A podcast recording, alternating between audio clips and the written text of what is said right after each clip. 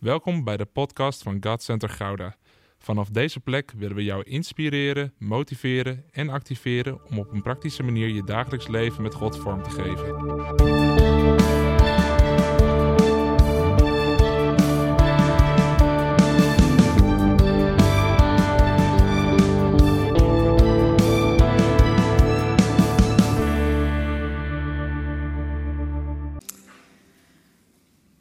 Geweldig om zo weer met elkaar live avondmaal te vieren. Amen. Als familie bij elkaar te zijn. Heerlijk. Wat genieten. Hey, en nu we hier zo allemaal naast elkaar zitten, heb je eigenlijk buren naast je zitten. Het thema vandaag is buurman slash buurvrouw gezocht. Nou, zeg eventjes voor je, achter je, even gedag tegen iedereen die je ziet. Even welkom.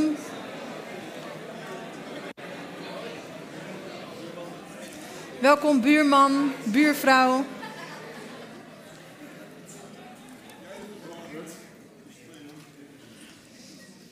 We gaan het vandaag hebben over buren. Hebben mensen leuke buren? Ja? We zeggen altijd, beter een goede buur dan een verre vriend. Toch? We gaan het vandaag uh, met elkaar beleven. We lezen uit uh, een, een heel bekend verhaal uit 2 Koningen 4 vers 1 tot 7. En hij komt ook op, uh, op het scherm. Op een keer riep de vrouw van een van de profeten Elisa's hulp in. Mijn man, uw dien... Oh, sorry. Ja, we gaan natuurlijk staan. ik zie ineens al mensen Heel goed, ik begin even opnieuw. Of een keer riep de vrouw van een van de profeten Elisa's hulp in. Mijn man, uw dienaar, die zoals u weet altijd groot ontzag had voor de Heer, is gestorven. Nu zal mijn schuldeiser komen en mijn twee kinderen als slaven meenemen. Wat kan ik voor u doen? vroeg Elisa. Vertel me eens, wat hebt u nog in huis?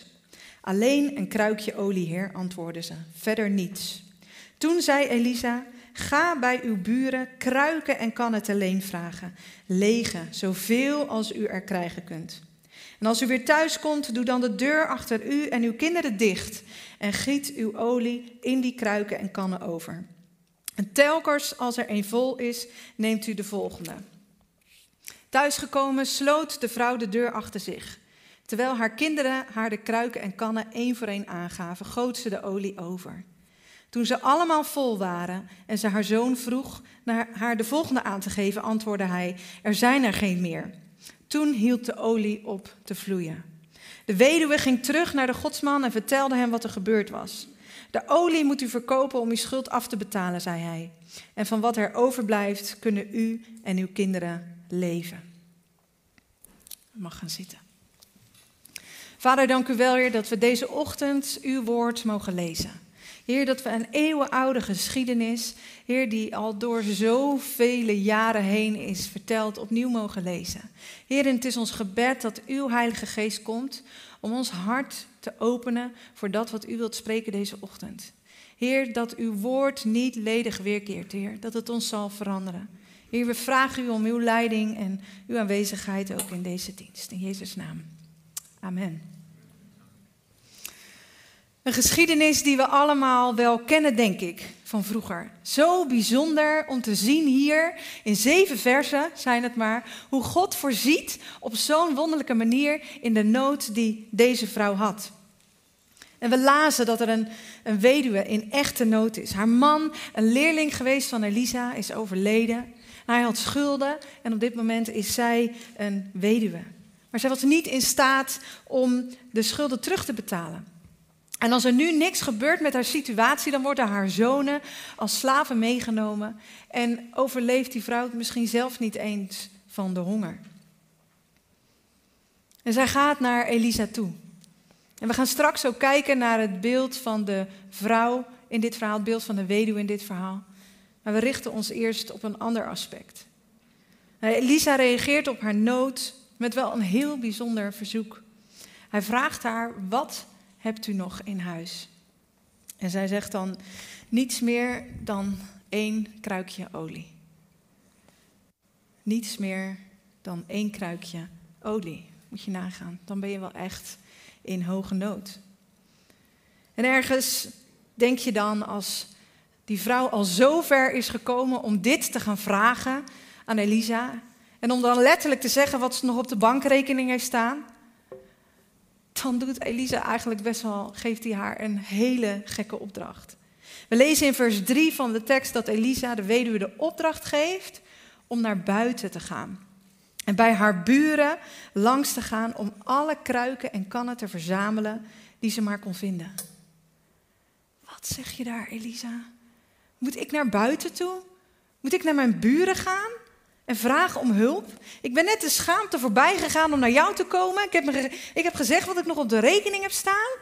Ik had ergens wel gedacht dat jij misschien met een oplossing zou komen, maar naar buiten gaan? Weet je, als je echt arm bent, zoals deze weduwe was, kom je dan, denk je, makkelijk onder de mensen?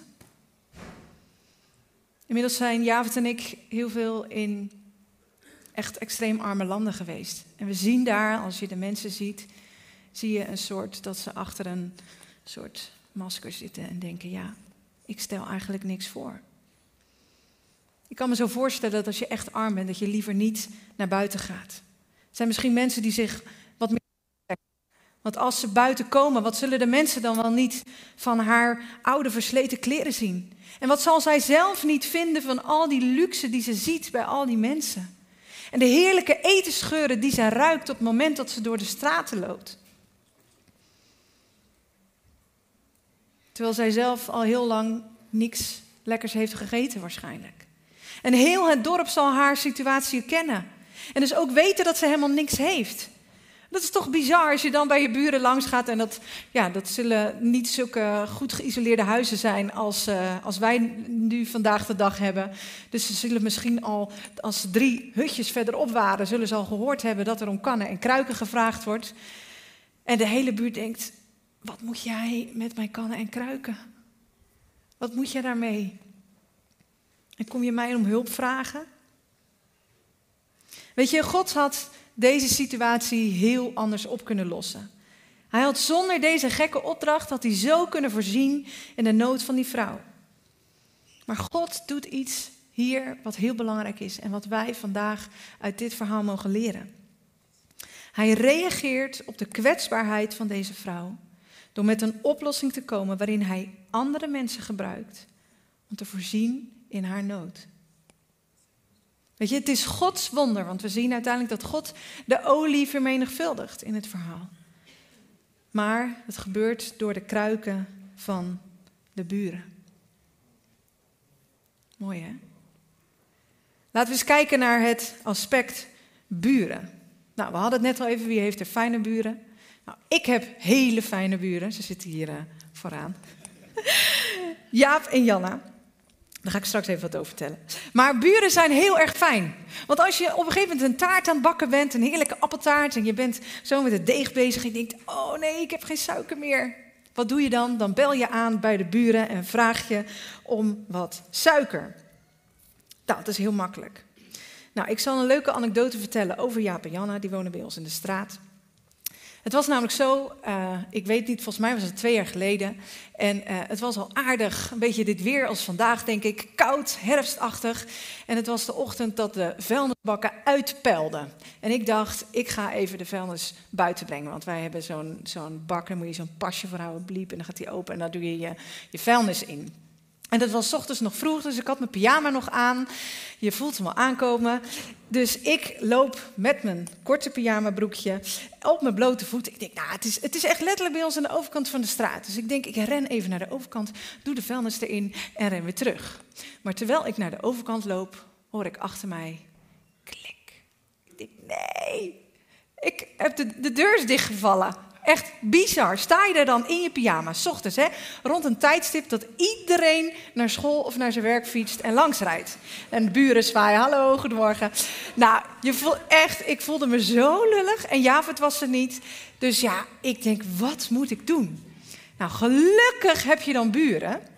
Nou wonen ze wel best ver weg als je in je pyjama van nummer 85 naar nummer 133 moet lopen. Maar ik ben dus, weten jullie het nog of niet? Jaap deed open. Nee, hij weet het niet eens meer. Ach, we zijn daarna al veel te vaak nog weer langs geweest door die sleutel. dus ik loop van nummer 85 naar 133, uh, bel aan en uh, Jaap die geeft mij de sleutel en ik op mijn blote voeten in mijn pyjama weer terug naar huis. En ik was zo blij dat Jaap en Janne thuis waren en dat ik buren had die onze sleutel hadden, zodat ik mijn eigen huis weer in kon. En was het heel erg moeilijk om de sleutel van het haakje te halen en die aan mij te geven? Nee? Weet je, er zijn voor je buren is vaak helemaal niet heel moeilijk. Een kopje suiker uitlenen.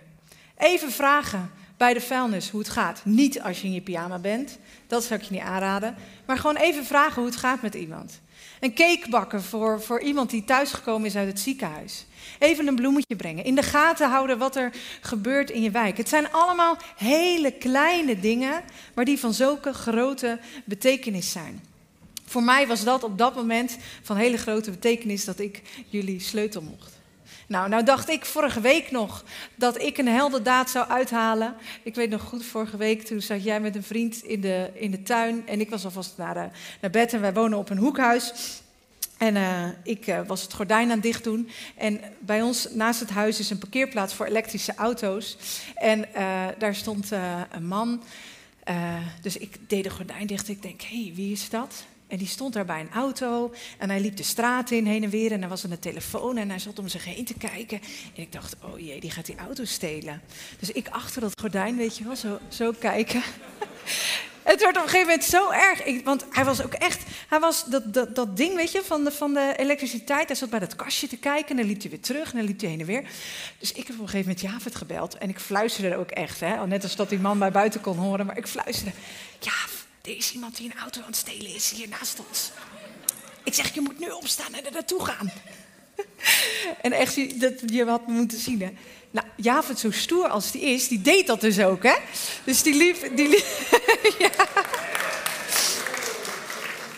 Nou, het is maar goed dat hij zelf even bedacht... ik ga eerst even polshoogte nemen, want ik dacht dus echt... je moet, je moet die man gewoon nu grijpen, want hij neemt die auto mee. Dus hij kijkt op een hoekje en hij begint heel hard te lachen. Hij zegt, dat is de nieuwe auto van die buurman verderop. En ik had die buurman niet herkend, zijn auto niet herkend. Maar die stond gewoon te, te pielen met dat elektriciteitssnoer. En het lukte hem niet. En ondertussen zat hij gewoon te bellen. Maar goed, ik dacht dus, ik ga een, een goede burenheldendaad doen. Maar dat uh, bleek niet het geval te zijn. Het was goed dat jij uh, die man herkende als goede buur. Maar ja, nou ja, dat was dus een mislukte buren heldendaad. Maar goed, het zijn dus de allerkleinste dingen met zo'n grote betekenis. En weet je, we hebben net gelezen over dat die vrouw dus alle kruiken en kannen moest halen bij haar buren. En ik heb er hier heel wat te leen van Lieke. En weet je wat het mooie is? Wat het gevolg is van al die verschillende kruiken. Want dit, hè, dit is het kruikje van die vrouw. Maar de ene buurman, buurvrouw, geeft één kruikje. En er komt er nog één bij. Ik zal ze allemaal even neerzetten. Ze zijn echt heel mooi. Kijk nou. En al die kruiken bij elkaar, alle kleine beetjes, die zorgen voor een hele grote zegen en een overvloed. Want vervolgens staat er dat Elisa zegt: Ga je huis binnen en neem dat ene kruikje wat je nog had. En giet de olie over in al die verschillende kruiken. En de ene was vol. En ze pakte de volgende. En die was ook vol. En volgende en de volgende. Ik, er staat niet bij hoeveel kruiken het waren, maar er staat wel dat haar hele huisje vol stond met die kannen en die kruiken. En weet je, het waren allemaal kruiken van verschillende buren. En het was maar één kruikje wat iedereen misschien gaf. Maar bij elkaar zorgt het voor die overvloed. Al het kleine bij elkaar is veel. Er zijn voor iemand anders is dus helemaal niet zo moeilijk. Dat laat dit verhaal zien. Het is eenvoudig voor iedereen om een kruik te geven. Het is bijzonder hè, dat ze het gewoon allemaal deden. Ik vraag me af hoe dat dan gegaan is. Zullen mensen al hun kruiken gegeven hebben, zullen ze gedacht hebben, nou wat moet die vrouw met al mijn kruiken, ik geef één kleintje. Wat moet dat gedaan hebben in, dat, in die omgeving? Weet je, start in het kleine als jij andere mensen wilt helpen. God is uiteindelijk degene die het vermenigvuldigt en die het uiteindelijk al die kruiken ook weer vult. Denk ook niet dat als jij denkt van hé, hey, ik wil wel voor mensen klaarstaan, van hé, hey, ik ben dus alleen verantwoordelijk voor die persoon, voordat die persoon dat het goed gaat. Nee, dat doe je met elkaar. En weet je, Gods zegen in wat jij uitdeelt is niet alleen voor die buurman of buurvrouw, maar ook voor jou. Want weet je, die olie waar het vandaag over gaat, die hele beroemde olie die uiteindelijk vermenigvuldigd wordt, die komt terecht in al die kruiken van al die buren. Dus de zegen van, die God geeft, die gaat door, die komt in jouw kruik. Dus als jij andere mensen zegent, word jij zelf ook gezegend. En ik kan me zo voorstellen dat op een gegeven moment toen die vrouw al die kruiken verkocht had, en of niet de kruiken, maar de olie, de uit de kruiken, en dat ze die, uh, de kruiken en de kannen weer terug ging brengen naar de buren. Wat een getuigenis moet dat geweest zijn. Heel dat dorp zal gehoord hebben wat er gebeurd is. En zij komt die kruik terugbrengen. En dankjewel. Ja, ik, het is heel bizar, maar God heeft echt uh, een wonder gedaan. En ik, ik heb nu genoeg om van de rest van mijn leven van te leven. Maar hier, dankjewel, mijn kruik. En weet je, dit is niet glas zoals wij kennen. Dus die, die olie die in die kruik gezeten heeft, die, er zijn gewoon resten van blijven zitten in die kruiken. Dus de zegen kwam ook weer terug naar alle mensen. Gods geest, dat is het beeld van de olie. Gods heilige geest werkt door de olie. Niet alleen voor die vrouw, maar ook voor al die gezinnen die hun kruik hebben uitgedeeld. En lieve mensen, dit is ook een onderdeel van het bouwen aan onze kerkcultuur. Want weet je, het is ons verlangen als kerk dat wij een cultuur bouwen waarin wij onze kruiken willen uitlenen. Dat wij onze kruiken willen uitlenen aan de mensen die hier in de gemeente komen, maar ook de mensen die hier buiten zijn. En weet je waar de geest van God de ruimte krijgt en waar wij onze kruiken uitdelen, daar zal een overvloed van zijn geest komen. Dan zal dit huis zal gevuld zijn waar mensen hun genezing vinden, waar ze heiliging vinden, heling vinden en waar ze een thuis vinden en waarin in noden wordt voorzien. En hoe? Doordat een ieder van ons gewoon zijn of haar kruik beschikbaar stelt. En de vraag is deze ochtend: wil jij iemands buurman of buurvrouw zijn? Wil jij jouw lege kruik beschikbaar stellen zodat God een wonder kan doen in iemands leven? En weet je, misschien heb je wel dat verlangen dat je denkt, ja, ik wil er voor iemand zijn, maar, maar denk je vaak veel te groot en denk je, nee, hoe moet ik, hoe moet ik de wereld veranderen? Nee, het enige wat je doet is je kruik beschikbaar stellen. En je zult versteld staan wat God daar doorheen kan doen. Weet je, ik ben de afgelopen tijd best wel heel erg geraakt door alles wat ik heb gezien op televisie en op het nieuws over de situatie in Afghanistan. Al die mensen die gewoon, ja, binnen, voor mijn gevoel binnen een paar dagen gewoon, ja, probeerden te vluchten. Hun land probeerde te ontkomen omdat de Taliban weer aan de macht kwam. Mensen in absolute wanhoop, de nood nabij. Ik heb even wat cijfers opgezocht over vluchtelingen, over mensen die op de vlucht zijn in het algemeen. En dat is, je schrikt ervan als je dat ziet, als je dat hoort. In 2020 zijn er meer mensen op de vlucht dan ooit.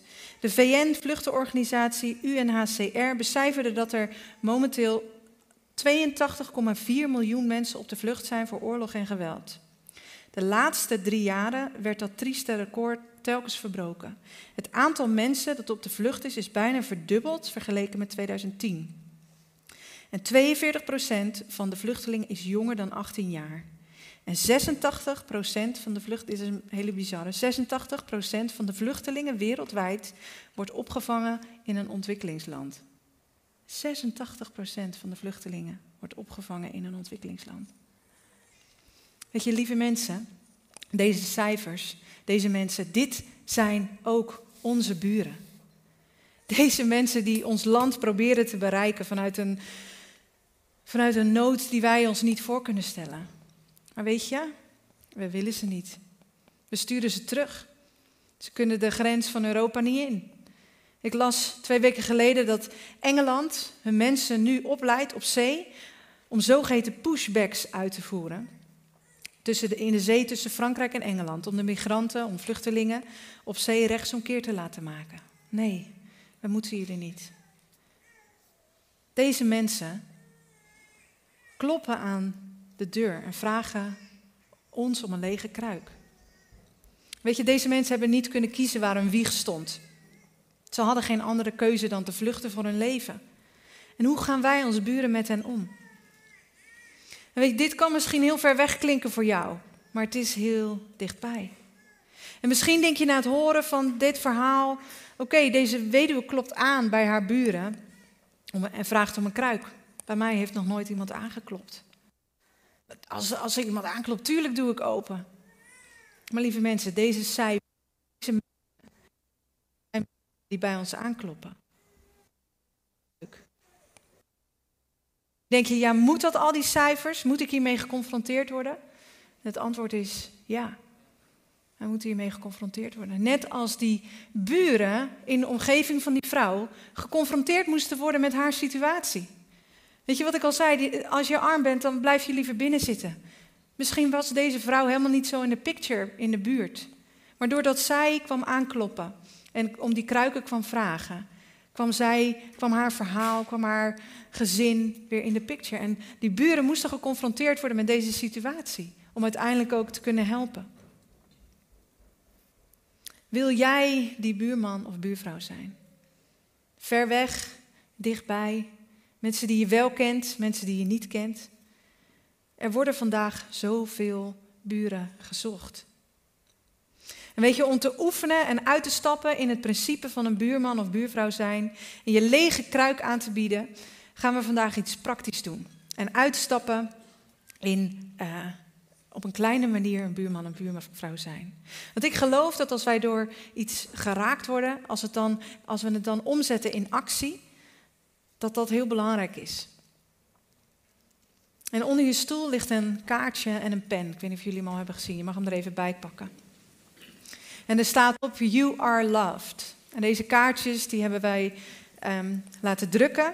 En ik heb uh, contact gehad met een opvanglocatie in Nederland, waar uh, ja, heel veel Afghaanse mensen nu een paar weken zijn. En het is de bedoeling dat we straks, als de, ik wil vast vragen of de band naar voren komt. Er wordt straks een lied gezongen met open armen. En ik wil jullie vragen om uh, tijdens dat lied een boodschap op te schrijven voor een van die mensen. En dan gaan wij die kaartjes komende week opsturen naar die opvanglocatie. En die mensen krijgen ze daadwerkelijk gewoon te lezen. En het is misschien iets heel kleins, het zijn een paar woorden, maar die zijn van zulke grote betekenis. weet je, luister ook naar de tekst van het lied en laat je gewoon daardoor ook inspireren om tekst op te schrijven. En wat even belangrijk is, als het kan, doe het in het Engels, want deze mensen die uh, spreken nog geen Nederlands.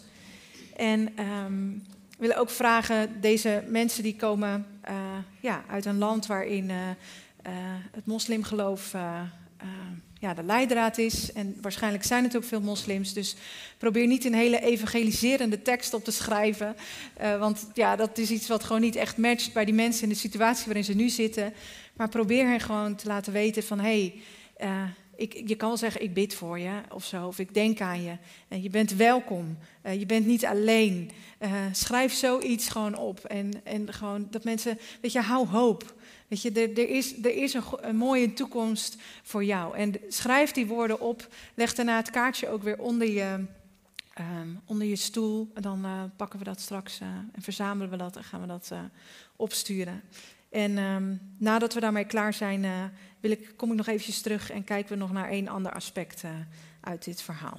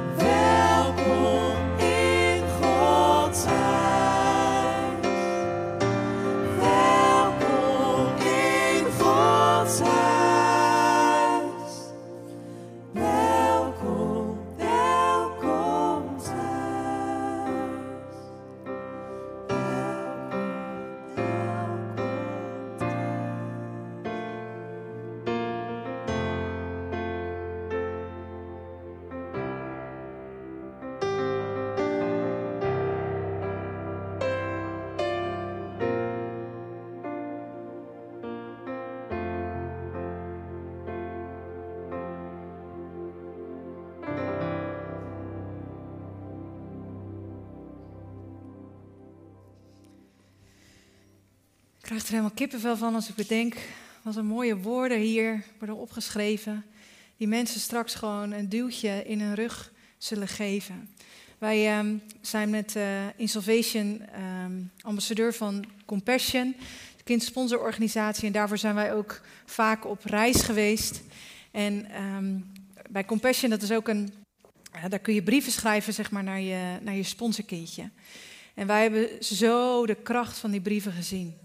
Er zijn gewoon kinderen, tieners, die dan gewoon standaard in hun rugzak alle brieven van de sponsor En die brieven gaan overal mee naartoe omdat dat gewoon het duwtje in de rug is om hoop te houden. Om, gewoon, om, om, om de dag van morgen gewoon tegemoet te zien. Dat ze weten van hé, hey, er is iemand die in mij gelooft. Er is iemand die voor mij bidt. Er is iemand bij wie ik welkom ben. En ik geloof ook zo dat, dat deze kaartjes, dat dat ook gewoon, uh, ja, dat dat door deze kaartjes heen ook gewoon zo gaat gebeuren. Misschien denk je, het zijn maar een paar zinnen van mij. Maar die gaan zo veel betekenis geven. En niet door jou, maar door de olie die God door gaat geven door middel van jouw woorden. Want het is God die uiteindelijk het wonder doet. En weet je, we hebben, misschien, we hebben net gekeken naar dit verhaal vanuit het aspect van de buren. Maar als jij dit verhaal hoort, wat we net hebben gelezen, dan herken jij je momenteel misschien wel veel meer in de situatie van de weduwe. Die vrouw die gewoon helemaal ten einde raad is. Die ten einde raad bij Elisa komt. En er staat in een Engelse vertaling: There came a certain woman that cried out. Ik kan me zo voorstellen dat dat zo geweest is. Dat zij gewoon huilend en helemaal ten einde raad bij Elisa kwam. En ze gaat alle schaamte voorbij en komt naar Elisa om hem om hulp te vragen. En deze vrouw stelt zich heel kwetsbaar op. Wat we net al zeiden. Zij zei letterlijk wat ze nog op de rekening had staan. Zij kwam letterlijk met van, ja, dit is alles wat ik nog heb. Ik ben verder helemaal ten einde raad. Hoe kwetsbaar is dat? En hoe is dat in jouw leven? Als jij een nood hebt vandaag de dag, wat voor gebied dan ook, durf jij die dan te delen met mensen in je omgeving? Misschien wel door te zeggen, dat is dan heel concreet. Ja, jongens, ik weet het niet meer. Dit is wat ik nog op de rekening heb staan, emotioneel gezien, fysiek gezien, praktisch, letterlijk gezien, financieel gezien. Weet je, als deze vrouw niet die kwetsbaarheid had getoond en niet naar Elise was toegekomen, waren haar zonen als slaven geworden en was ze zelf misschien omgekomen van de honger. Weet je, wanneer jij jouw nood vandaag de dag deelt en je kwetsbaar opstelt, dan open je de deur om Gods ingrijpen te gaan ervaren. Die kwetsbaarheid die die vrouw deelde, opende de deur voor een, voor een overvloed voor de rest van haar leven. En we hebben net gekeken naar het verhaal van de weduwe uit het Oude Testament. Maar we lezen in het Nieuwe Testament ook een heel bekend verhaal waarin we zien dat Jezus voorziet in overvloed en waar hij in iets vermenigvuldigt. En wel bij het eerste wonder dat Jezus doet als zijn bediening start hier op aarde. En dat is het verhaal van de bruiloft te Cana, wat staat in Johannes 2. En er is een bruiloft gaande. En Jezus en zijn moeder en zijn leerlingen zijn ervoor uitgenodigd. En op een gegeven moment, we kennen het verhaal allemaal, is de wijn op. En Jezus had natuurlijk al lang door van hé, hey, ja, dit is de laatste kruik met wijn die je gaat schenken en dan is het op. Maar weet je, Jezus herkent de nood, hij weet wat er gaande is, maar hij wacht. Hij wacht totdat Jezus' moeder bij hem aanklopt en de nood bekend maakt. Pas dan handelt Jezus. En hij doet, net als in het verhaal van de weduwe die wat we hebben gelezen, een heel, heel groot wonder. Weer door middel van die kruiken. Want er stonden daar in een ruimte stonden heel veel lege kruiken die gebruikt werden tijdens zo'n bruiloft voor een reinigingsritueel. En Jezus zegt, kijk, niemand, niemand was er verder nog op, van, van op de hoogte. Maar hij zegt tegen die bediende, ga al die kruiken die daar staan, ga ze vullen met water. Weer zo'n bizarre opdracht. De wijn is op en die gekke man daar, die, die nog helemaal niet bekend was, hè? dit was het eerste wonder wat hij deed. Die zegt dat wij al die kruiken moeten vullen met water. hey, you, het is al het einde van het feestje. Wij zijn best misschien zelf ook wel een beetje moe. Moeten wij altijd, het water halen is niet gewoon hup de kraan aanzetten. Nee, dat is naar buiten, naar een put lopen, water eruit halen, hup in die kruiken doen. Maar ze deden het. En dan geeft Jezus nog een gekke opdracht en die zegt, ga een beetje van het water aan de ceremoniemeester geven, laat het hem proeven. En op het moment dat ze dat doen, ze komen daar aan bij die ceremoniemeester, uh, ja, we hebben hier wat uh, wijn, ik weet niet wat ze gezegd hebben, en ze gieten dat in die beker. En het is de beste wijn ever. Het is de beste wijn ever. En weet je, dit wonder gebeurt omdat er een nood is die bekendgemaakt wordt aan Jezus. En dit is het eerste wat we zien dat hij doet door zijn bediening heen. Kom bij mij met je nood. Kom bij mij als je moe bent en belast. Ik zal je rust geven. Ik zal je geven wat je nodig hebt. Klop aan bij mij. Klop aan bij de mensen in je omgeving. En ik kan een groot wonder doen door jou heen. Door de mensen heen in jouw leven. Dit verhaal bevestigt eigenlijk datgene wat we in het Oude Testament hebben gelezen. En het vervult hetgene wat daar ook is gebeurd. En weet je, als jij hier vanmorgen bent en je hebt een nood, dan willen wij vandaag jouw buren zijn. Dan mag je vandaag hier bij ons aankloppen. Dit is de plek waar jij mag aankloppen. Dit is de plek waar wij jou onze kruik willen aanbieden. Misschien is dat een, een schouder waar je op je kan huilen vandaag. Misschien is dat een gebed wat wij uh, over je uit mogen bidden. Misschien is het iets heel praktisch. En kunnen wij jou als gemeente helpen. We zijn aan elkaar gegeven, lieve mensen. Zeker, juist, dat is ook, dat, ik denk dat we dat allemaal beseffen, juist in deze tijd. Wij zijn aan elkaar gegeven. Weet je, en als je een nood hebt, verlaat de kerk dan niet. Voordat je, die hebt, voordat je dat hebt gedeeld. Dat gaat zoveel kracht vanuit. En weet je, als jij komt met je nood en God gaat voorzien, dan worden wij gezegend. Zie het niet als last als jij met je nood komt en denkt, nou nee, ik ga dat nou niet delen. Nee, wij worden als gemeente ook gezegend. Want waar die olie rijkelijk stroomt, daar is Gods geest. En waar Gods geest is, daar is het goed. Amen. En straks aan het einde van de dienst, dan zullen hier mensen voor aanstaan bij het podium. En er zal gewoon achtergrondmuziek zijn. De rest van de mensen gaat alvast lekker koffie drinken. Maar er zullen mensen hier vooraan bij het podium zijn om er voor jou te zijn als buren.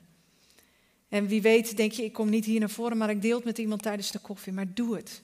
Doe het echt. Deel je nood. En ik uh, zie er naar uit wat God hier doorheen allemaal gaat doen. Amen.